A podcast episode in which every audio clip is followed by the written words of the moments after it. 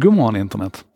Ni märkte säkert att natten mellan söndag och måndag så var det ett jäkla oväder. Det stormade och det hade sig, vilket ofta leder till väldigt tråkiga konsekvenser. Flygplan kan inte landa, tåg ställs in, eh, träd trillar över vägar, folk drabbas av strömavbrott. Men den här gången så var det faktiskt någonting positivt som hände också. För att natten mellan söndag och måndag, närmare bestämt mellan klockan ett och klockan två på natten, så hade vi för första gången i Sveriges historia på spotmarknaden eh, det som man kallar för negativt elpris. Det kostade alltså 0,2 öre per kilowattimme. Är ni med på, på hur fantastiskt det här är? Alltså istället för att, att du betalar för elen den timmen så får du pengar för den el du förbrukar. Och det är ju naturligtvis en väldigt Eh, bizarr och alldeles för, för grov förklaring av det som händer här. Men vi kan i alla fall konstatera att timmar med negativt elpris drar ju ner den totala kostnaden. Och, och för mig som har Greenly som elleverantör eller elavtal via Greenly, där jag faktiskt betalar per timme för elen, så kan jag ju se i grafen att, att jag var nere på, på negativt timpris mellan Eh, ett och två på natten.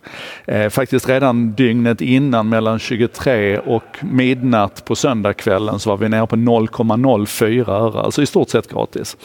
Och det här beror ju på det här beror på att vi har ganska mycket elöverskott just nu. Vi har fyllt på vattenmagasinen och så vidare. Och när det då blåser som det gjorde här nu så kan vår elkraft, vår vindkraft förlåt, gå för fullt också. Och under den här stunden så står alltså vindkraften, för, eller den här tidsperioden, så står vindkraften för 37 procent av elproduktionen i Sverige. Och jag hoppas att vi, att, att vi då liksom kan inse att ja, det är lågförbrukningsperiod, men ändå, vi börjar liksom landa i ett läge nu där, där de förnybara energikällorna faktiskt börjar mäta och möta upp på riktigt. Men det, jag, det är något annat som händer i mitt huvud också när jag hör det här med negativa elpriser. För att 2009 så skrev Chris Anderson en bok som heter Free. Det var uppföljningen på hans bok The Long Tail och The Long Tail tror jag att de flesta känner till. Eh, och den har ju definierat mycket av vår internetekonomi idag. Med Free gick han ett steg längre och enligt många ett steg för långt. För han sa att vissa tjänster kommer att bli så billiga så att det kostar för mycket pengar att ta betalt för dem. Alltså kommer de i praktiken att bli gratis. Och, och vi ser ju det idag. Jag menar du betalar ingenting för, för Wikipedia. Du betalar ingenting för Facebook. Du betalar ingenting för en sak idag och jag betalar ingenting för att kunna distribuera det här till er. Så att när det gäller rena digitala tjänster så är vi i väldigt hög utsträckning där idag. Att de, att de är en del av någon slags gift-ekonomi, alltså en gåvoekonomi kan vi säga man, man tjänar in de pengarna man behöver i andra änden. Det, det, man, man, jag brukar definiera det så här att bara för att du kan ta betalt för någonting, alltså att det finns ett upplevt värde hos den som konsumerar det, så behöver inte det längre betyda att du ska ta betalt av den som konsumerar det, utan du kan hitta intäkter någon annanstans.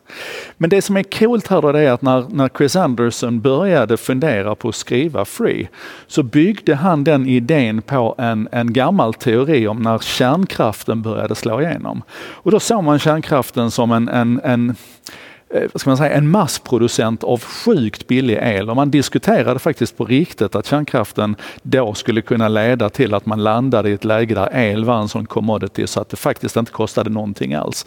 Det var helt enkelt för den vanliga konsumenten så skulle det vara dyrare för producenten att mäta det och fakturera och administrera än att faktiskt bara ge bort elen. Och sen fanns det då andra intäktskällor för, för elproducenterna. Och nu hade ju då Chris Anderson, han gick, eh, det, det, det höll inte när det gäller elen. Det höll inte då i det läget när det gäller väldigt många andra tjänster. Men när jag nu då står här och, och läser om att vi förvisso bara under en, en kort period, under en timme, under lågproduktionsperioder eller lågkonsumtionsperioder så där, faktiskt hade ett, ett, negativt elpris. Då måste vi nog ändå börja snurra i de här tankarna. Tänk om det är så att, att vi kommer att landa i ett läge där även den sortens tjänster som vi idag tycker är fullständigt självklart att vi måste betala för, el är en sådan, att det blir en sån commodity att priset går ner mot noll jag pratar ju ofta om, om det här till exempel hur min, hur min klocka som aldrig behöver laddas eller de här hjullastarna som med hjälp av rörelseenergi aldrig behöver externt laddas. Hur solenergin och lågenergiförbrukande produkter kommer att hamna i ett läge där de aldrig behöver laddas. Men tänk om vi dessutom kombinerar det med att, att elen faktiskt blir gratis. Uff, vad vi kan göra grejer då. Ehm, det här var en sak idag med mig Joakim Jardenberg. Här nu på slutet ska jag passa på att be om ursäkt för att det har varit otroligt dåligt med uppdateringarna på sista tiden. Jag har dels haft för mycket jobb att göra och sen så har jag haft lite, lite hälsoproblem också som har gjort att jag inte har kunnat gå fullt ut på 100% Den energin jag har har jag fått lägga på mina riktiga jobb så att säga. Men jag hoppas vara igång här nu med en sak idag igen och nu är detta det näst sista avsnittet som jag kommer att göra på svenska. För från och med avsnitt 400 så blir det liksom en liten reset och en omstart och då kommer jag göra en sak idag på engelska istället. Mer om det kan du läsa om du hänger på i gruppen som heter En sak idag-gruppen på Facebook. Jag kommer naturligtvis att skriva om det här också i anslutning till avsnitt 400 som förmodligen blir på måndag nästa vecka. Kul att ni hänger på och, och fundera nu på det här med gratis el. Visst är det häftigt?